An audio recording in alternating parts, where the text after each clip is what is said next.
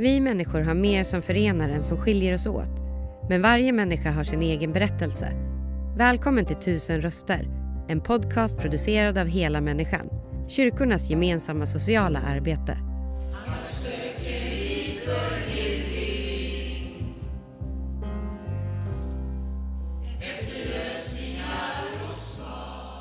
Ja, då sitter vi här hos Hela Människans verksamhet i Säffle och jag träffar Robin Torpman som är 26 år. Han bor i Säffle sedan 2014 men är uppvuxen i Karlskoga, Kristinehamn. Eh, Och mamma arbetar här på Hela Människan, eller hur? Mm. Hur är läget med dig? Det är bara bra. Ja. Hur ofta kommer du hit till Hela Människan? Eh, Så ofta jag kan faktiskt. Eh, Försöker besöka väldigt ofta väldigt varm och skön gemenskap faktiskt med förstående människor. Mm. För liknande problematik eller olika problematik. Precis, det finns lite allt möjligt. Ja, det är som du säger, det är som en liten gott och blandat påse. Ja. Det är alla möjliga olika varianter. Ja. Eh, vi har ju pratat lite här innan och Jajamän. jag upplever dig redan som en väldigt öppen eh, och eh, öppenhjärtig person. Ja, Eh, du ska nu börja plugga lite underhåll och anläggning var det va? eh, underhåll och automation. Automation, Inom industribranschen. Ja, jag kan inte läsa Nej. mina egna anteckningar. Nej, det kan vara så ibland.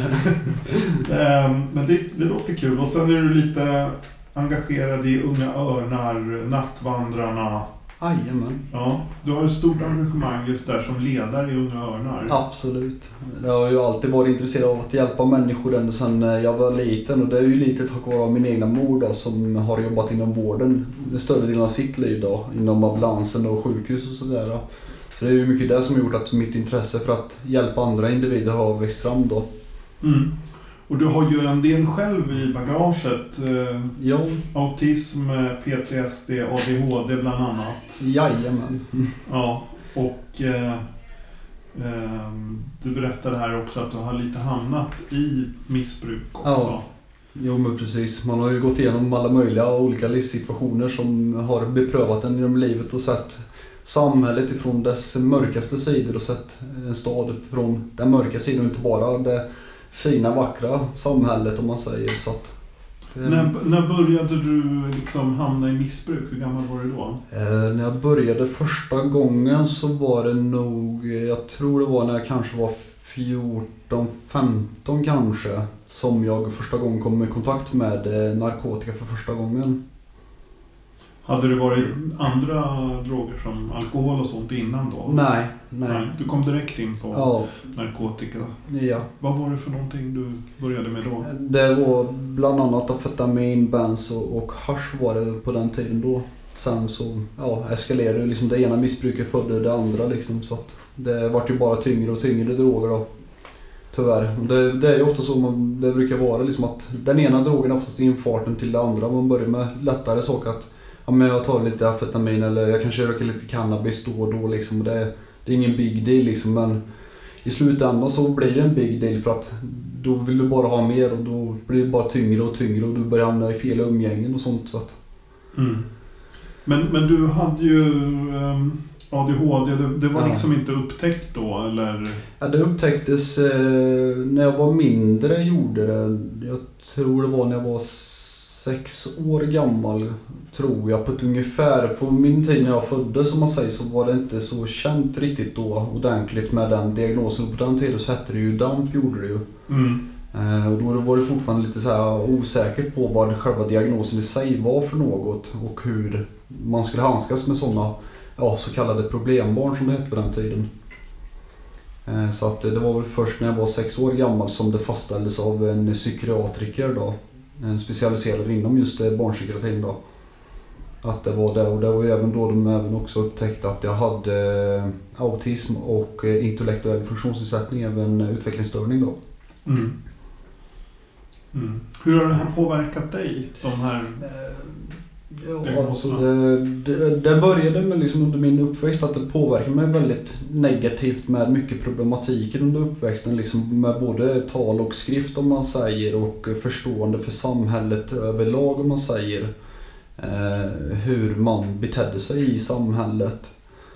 Eh, Så att eh, det upptäcktes ju relativt tidigt under min uppväxt liksom att jag hade svårt med socialt samspel och eh, sociala sammanhang och sådana här saker. Och eh, förstå andra individer, hur de tänkte och vad man fick göra och inte göra för att eh, jag hade ingen impulskontroll eller eh, konsekvenstänk. Eh, vilket jag utvecklade sen vid äldre ålder och i vuxen ålder så började jag väl att förstå det hela och började mer utveckla då konsekvenstänk efter en lång tid. Hur, hur kunde det te sig då att du, när du inte hade någon konsekvenstänk, vad gjorde du? Ja, alltså det, det var ju det liksom att jag, då utförde jag liksom det första jag fick upp i tanken liksom så att det var ju det att ja, vill jag ha någonting, ja då tog jag det liksom utan att tänka att är det här verkligen rätt eller är det fel att göra så här? Utan det var liksom bara 100% go for it. Så att eh, man gjorde bara det som dök upp i huvudet och det skapade väldigt mycket problem oftast och farliga situationer också framförallt eh, vid senare tillfällen under uppväxten då. Mm. Så att eh, det var både på gott och ont var det. Ibland hade man bra sidor med det också liksom, som gjorde att man verkligen tog tag i saker som man inte hade vågat annars. Men det skapade också väldigt mycket negativitet. Du, du sa här att du har varit liksom i det mörkaste hål. Ja. Vad, vad var, kan du berätta någon situation? Vad var du inne i då? Ja, det är ju mycket med, om man säger, tungt missbruk, kriminalitet bland annat, eh, bortgång av nära vänner och anhöriga om man säger och eh, en trasig uppväxt med familj och sådär liksom. Med LVU och sådana här saker och lång tid med eh, psykisk ohälsa om man säger som har eh, sabbat mycket i mitt liv om man säger. Så att eh, det har ju satt sina spår. Sen så har ju större delen av mitt liv varit en svår påfrestning när jag kom till underfund med under min pubertet eh, med min könsdysfori då. Som eh, startade hela härvan i mitt liv. Vad är könsdysfori? det är transsexualism är det ju. Ja. Att man är född i fel kropp då. Ja. Och forskningen har kommit fram till att det är väldigt vanligt bland personer som lider av autism då. Mm. Att det är vanligt att sådana personer då kan känna av sådana här saker. Eh, Mm. Så det är framförallt vanligt bland autister då. Mm. Eh, Där är ja, framforskat och helt enkelt att eh, det är ja, sannolikt att det är så det kan vara faktiskt. Att man kan vara född i fel kropp. Mm. Från start då, helt enkelt. Där individen då känner att de har en annan könstillhörighet och identitet än vad deras biologiska tilldelade kön är då. Mm. Men, men du, du kallar dig Robin idag, men, Ja. men eh, Det är ju som sagt eh, det namnet som är folkbokfört då. Är Ja. det ju så att eh, det är inte mycket jag kan välja på liksom, även fast det tar emot så sätt. Eh, Men samtidigt kan jag inte bara ändra mitt namn heller även fast jag skulle vilja göra det till ett annat som är mer, vad ska man säga, mer ett kvinnligt namn om jag säger så. Eller för att namn så spelar någon roll egentligen men mm. ett mer namn som identifierar mig som kvinna om man säger. Eh, För att det skulle innebära att då måste jag kontakta varenda myndighet och det blir väldigt stor process av det hela. Mm, jag förstår. Men har du, går det i de tankarna att det, det är dit du ska? Ja, jag har ju även kontakt med ett specialiseringsteam i Uppsala då. Som framförallt jobbar med eh, personer som lider av könsdysfori då. Mm. Som är just eh, specialiserade inom just det området och även specialiserade just på personer med diagnoser med könsdysfori-problematik. Mm. Hur har det här påverkat dig? Nej, det har ju påverkat mig fruktansvärt negativt i livet faktiskt. Där man har fått gå igenom väldigt mycket hat om man säger och väldigt mycket hemska saker som man inte borde få uppleva egentligen. Eh, På grund av hur vårt samhälle ser ut med den så kallade normen då. Där folk lever i det att det finns bara en han och en hon. Och det är inget annat än så det är liksom. Och det funkar ju inte riktigt så i modern tid. Nej. Utan det, samhället jobbar ju för att det ska vara jämställdhet och alla är lika mycket värda men ja, det är ju en sak att säga det så inom statlig tjänst om man säger och en sak hur det funkar i praktiken om man säger så att det är ju någonting samhället jobbar emot så mycket det bara går. Du menar att de jobbar mot, alltså mot, Ja, mot eh, den synen då på människor. Att det ska vara verkligen eh, allas lika värde och eh, jämställdhet då. Och inte det här med att ja, könsdiskriminerande om man säger att det är bara en han eller hon och det finns ingenting däremellan då. Hur länge har du vetat att du är, liksom att att du har det här? Mm, alltså tankarna om det började väl komma när jag var runt kanske, ja, svårt att säga, men runt kanske 11-12 års ålder ungefär jämt innan min pubertet då så började väl tankarna att snurra lite om det då. Eh, för jag började känna väldigt tidigt innan min pubertet väl drog igång på allvar då man säger att någonting inte riktigt stod rätt till och eh, jag kom väl ut med det första gången när jag gick i sjunde klass i grundskolan. Och då berättar du för alla i klassen då? Ja, för mina närmaste vänner som jag hade då, om man säger. Och Hur tog de det då? Det togs inte jättebra om man säger så utan det startade ju som sagt det stora helvetet för mig i livet. Eh, Där jag också tyvärr efter en lång period eh, när jag gick i sjunde klass också gjorde mitt första aktiva självmordsförsök då. Eh, På grund av den intensiva psykiska misshandeln jag fick utstå när jag gick i skolan då och Problemet på den tiden var att jag var väldigt tyst om hur jag mådde och eh, hur saker och ting drabbade mig om man säger så att eh, jag levde mer eller mindre i tysthet gjorde jag och i ett inre mörker eh, med skadorna som ja, tog ganska hårt. Men det var mycket psykiskt, alltså de kallade dig saker? Och Ja, De tyckte att jag skulle ta självmord, att jag var äcklig, eh, att jag var en jävla bögjävel, eh, att jag var en äcklig transa, jag borde inte få existera, sådana som mig borde utrotas. Och, ja, det var fel och så. Man kan inte bara bli någonting utan det finns bara man och kvinna liksom och så har det alltid varit liksom. Så att, det är gamla syner från förr i tiden om man säger. Men hur hanterade skolans personal det här då? Väldigt dåligt faktiskt tyvärr. Det var skrämmande dåligt. Och det är tragiskt att se faktiskt för att det är väldigt många som lider utav som sagt könsdysfori som lever i det tysta. Eh, och som tyvärr begår självmord eh, i slutändan för att de har inget stöd och de har ingenstans de kan vända sig för att bli förstådda med problematiken vilket är hemskt också. Och tyvärr så är det en stor bidragande orsak till den höga dödssiffran vi har och framförallt missbruksproblematiken bland ungdomar. Hur, har man några siffror på det här, hur många som Nej, lider av det? alltså- är svårt att säga. Det finns väl någon form av siffra men det är betydligt mycket högre mörkertal om det om man säger som de inte vet. Mm. Det, det går bara att uppskatta på ett ungefär liksom. Men det är betydligt många mer än så. Ja. Vad tror du, nu är ju inte du i skolan, men tror du att det har blivit bättre?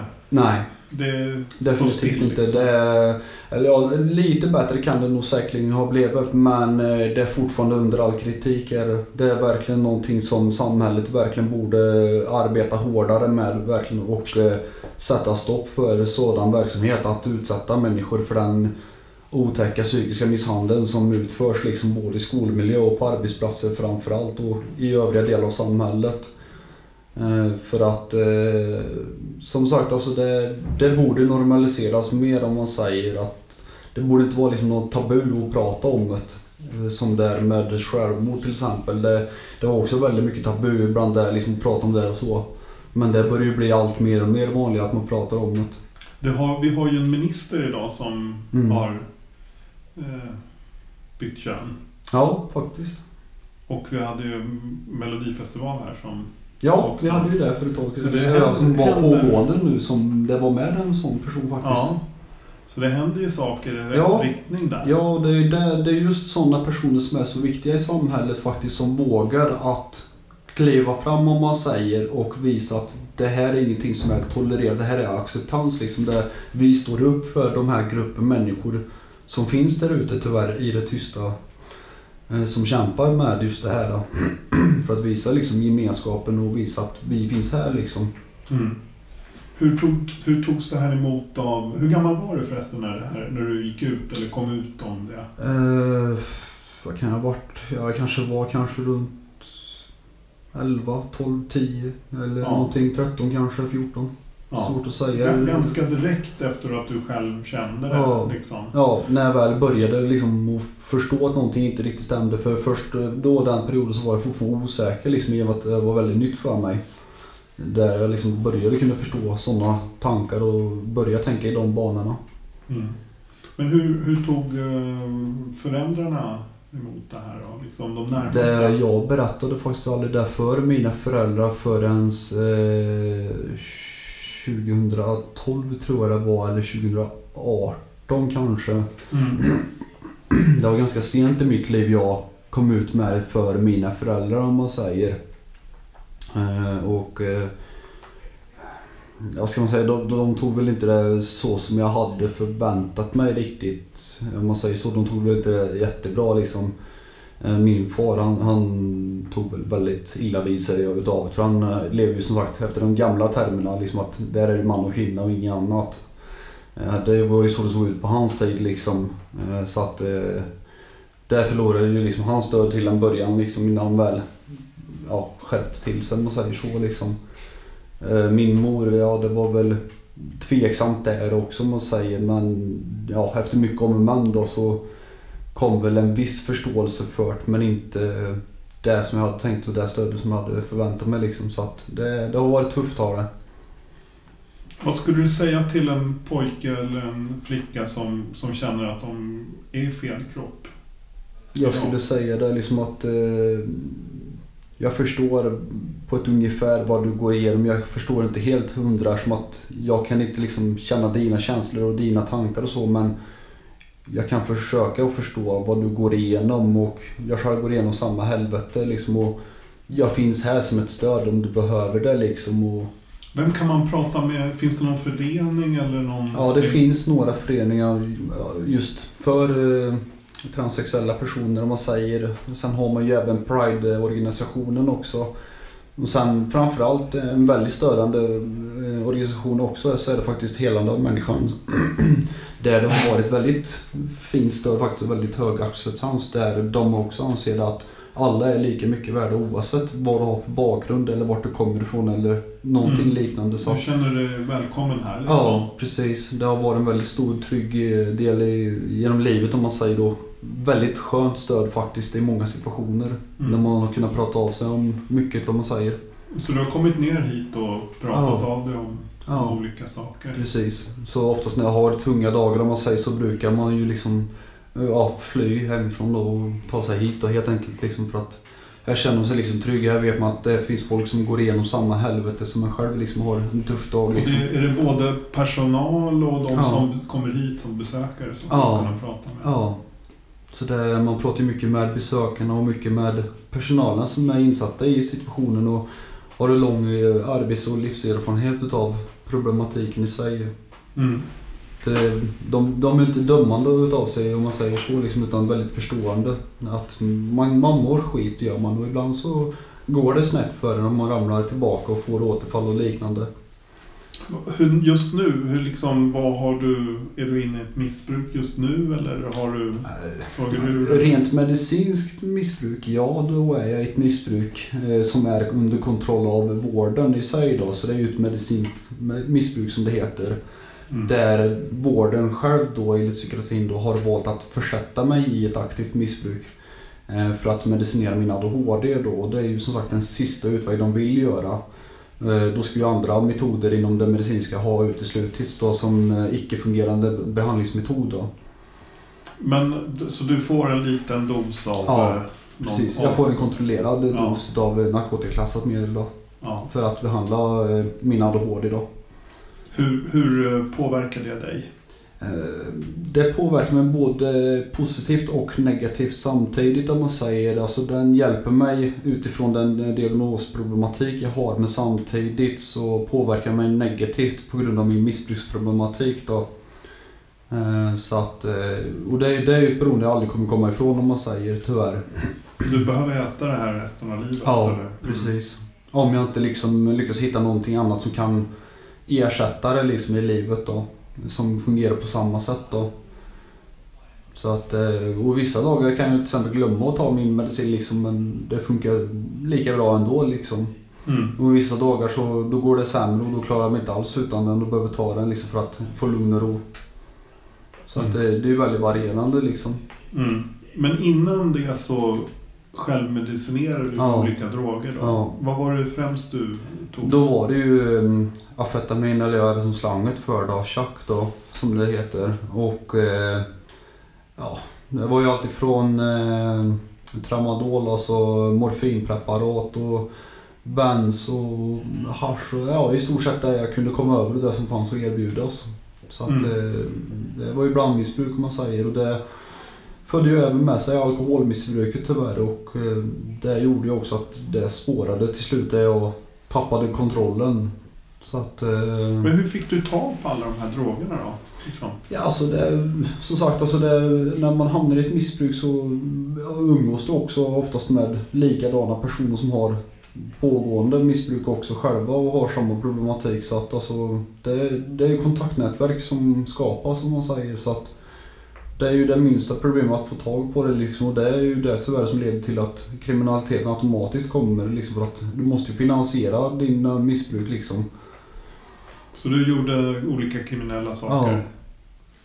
Vill du berätta något vad du gjorde? Ja, det var ju, kunde vara till exempel inbrott, det kunde vara försök till bedrägeri, utpressning, våldsbrott till exempel. Eh, ja, det kunde vara att jag körde bil olovligt för att kunna transportera mig till olika positioner för att utföra olika uppdrag till exempel. Och, ja, alltihopa för att få in pengar liksom för att finansiera sitt missbruk för dagen liksom för att klara av dagen. Så missbruket för mig handlar mycket om att fly undan mina egna känslor liksom för att trubba av mig själv liksom. Mm. Hur mår du idag? Ja, ja, vad ska man säga? Idag mår jag väl... Ja, man mår som man mår liksom. Man, man tar en dag i taget och försöker att fightas med dagen så som den kommer och göra det bästa som går liksom. Det, det är ju tungt om man säger att leva så sätt liksom. Det, det, det kan jag inte sticka under stolen med alltså. Men man har lärt sig också att hantera större delar av problematiken med dess olika beprövningar och jag har ju haft väldigt tät kontakt med eh, livsstilsmottagningen framförallt med rådgivning och även olika behandlingsformer där de säger. Du är ju väldigt öppen och kan prata om de här Ja. sakerna.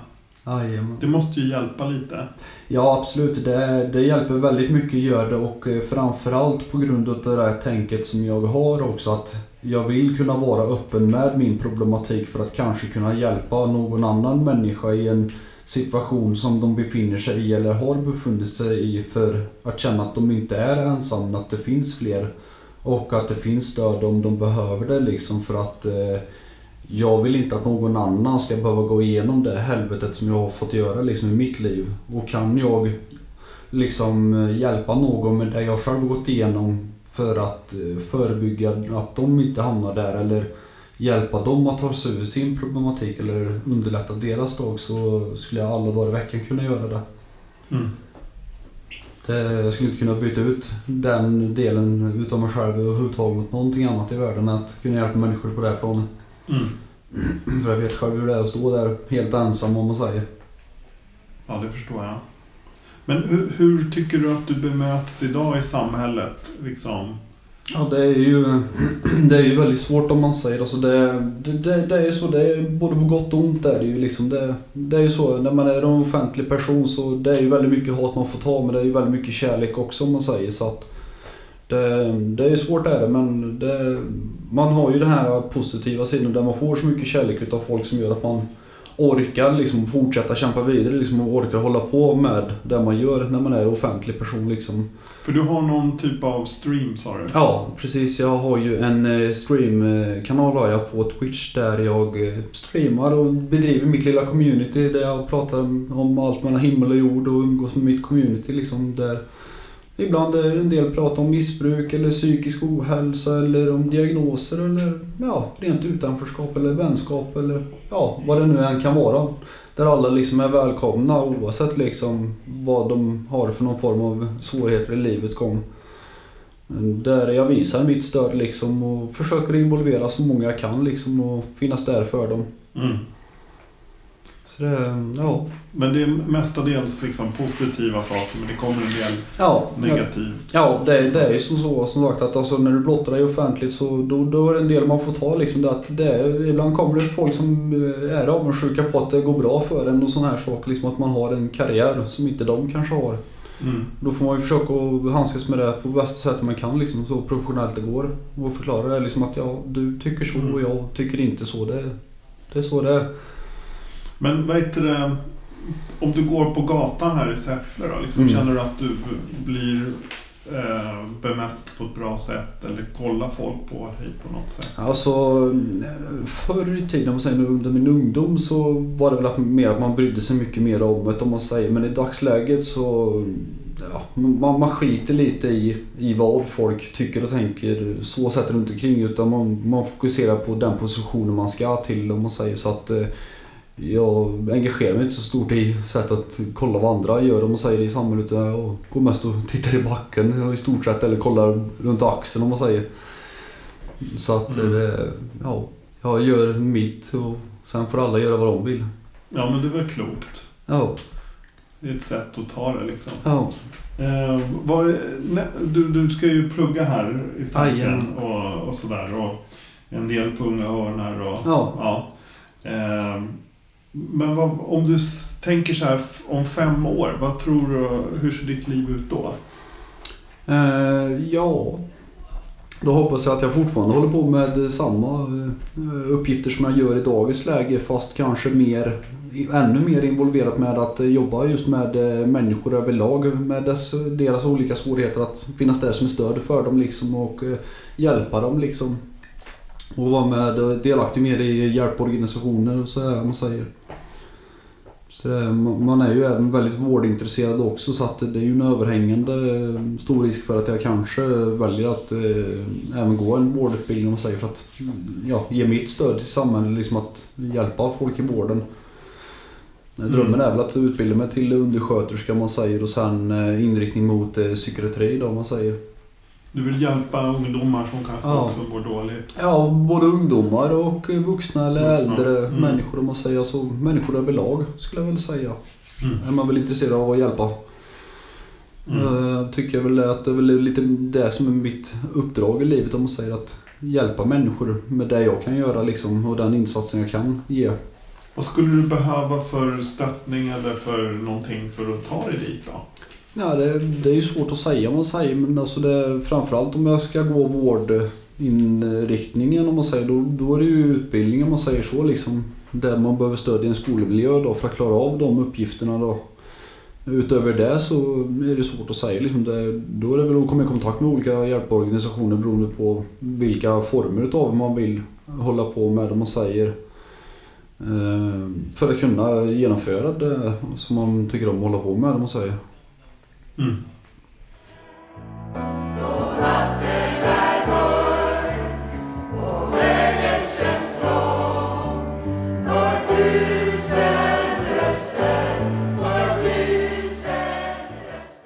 med den långa erfarenhet du har liksom och varit med om så mycket hemska saker men ändå står här med så fin människa liksom med sånt varmt hjärta liksom för andra människor i liknande situation så är det fascinerande att se liksom trots att du har varit med om så mycket hemskhet och blivit så skadad så finns du ändå där för andra liksom och prioriterar andra mer än dig själv liksom. Det är sällsynt. Det var som jag sa att ja men det det är som jag alltid har varit liksom och det, jag anser att det inte är mer än rätt heller för att jag vill inte liksom försätta en individ i den sitsen som jag har fått gått igenom för att jag vet vilket helvete det var och jag vet vad ont det gjorde. Mm. Och jag vet också hur jobbigt det var att ta sig upp igen. Liksom så att eh, det, kan jag hjälpa någon så gör jag det liksom. Det är inte mer än humant liksom. Ja, men det är ju fantastiskt. Ja, men Mm. Man kunde ju lika gärna ha blivit bitter eller, eller arg. Men Ja. istället så, så väljer du att lägga din energi på att hjälpa andra. Ja, jag vände på den negativiteten till min fördel istället. Om Mm. man säger och gjorde det som jag var bra på. Det som uppskattades också av de runt omkring. Mm. Och det som var positivt bland människor i samhället. Liksom att använda mig av det stöd jag kunde ge och den erfarenheten jag hade. Liksom. Och det har ju hjälpt många personer om man säger i många situationer där jag har fått mycket ja, PMs och sånt tillbaka liksom, där de har tackat för hjälpen och så. Och det är ju ändå det som eh, betyder så, så pass mycket för en också att vilja fortsätta med det också. Det, det är som jag brukar säga, jag vill inte ha betalt för det jag gör för att jag gör det för att jag vill göra det. Och för att det jag får i betalt utav de människorna eh, går inte att få i pengar. För den kärleken och den gemenskapen det går inte att köpa för pengar. Så är det. Så är det. Så det, Ja, Fantastiskt. Ja. Vilken historia. ja absolut. Eh, alltså precis som du sa, det har varit ur mörkaste hål. Men Mm. det känns ju som att du är verkligen liksom in i en positiv Ja. spiral här. Ja, det kommer ju och går om man säger. Alltså, Ja. Ena dagen kan det vara jättebra om man säger. Vissa dagar kan det vara jätteskit om man säger. Om man önskar att man inte existerade mer eller mindre om man säger. Men det är ju då de här personerna som är uppskattar en och älskar en liksom för den man är liksom och tycker om en. Liksom, det är då de är som viktigast av allt. Liksom. Det är då deras stöd verkligen ställs på prov och verkligen ger kraft till en att fortsätta orka liksom att kämpa sig igenom dagen. Så det hade det inte varit för alla de människor jag arbetar med framförallt och de som finns där för mig så hade jag nog faktiskt inte orkat att fortsätta och gå den stigen som jag har gjort i livet. Ja, jag och många till är väldigt glada att du orkar. Och det glädjer mig att höra. Det, Ja. det, det värmer otroligt mycket faktiskt. Det är det som är drivkraften för mig. Mm. Tack så mycket att Ja. du fick lyssna på din Tack så historia. hemskt mycket att jag fick vara med. Tack för att du lyssnat. Intervjun gjordes av Daniel Ryderholm och musiken framfördes av Gatans röster. För att hitta fler avsnitt och ta reda på hur du kan engagera dig besök helamänniskan.se volontar.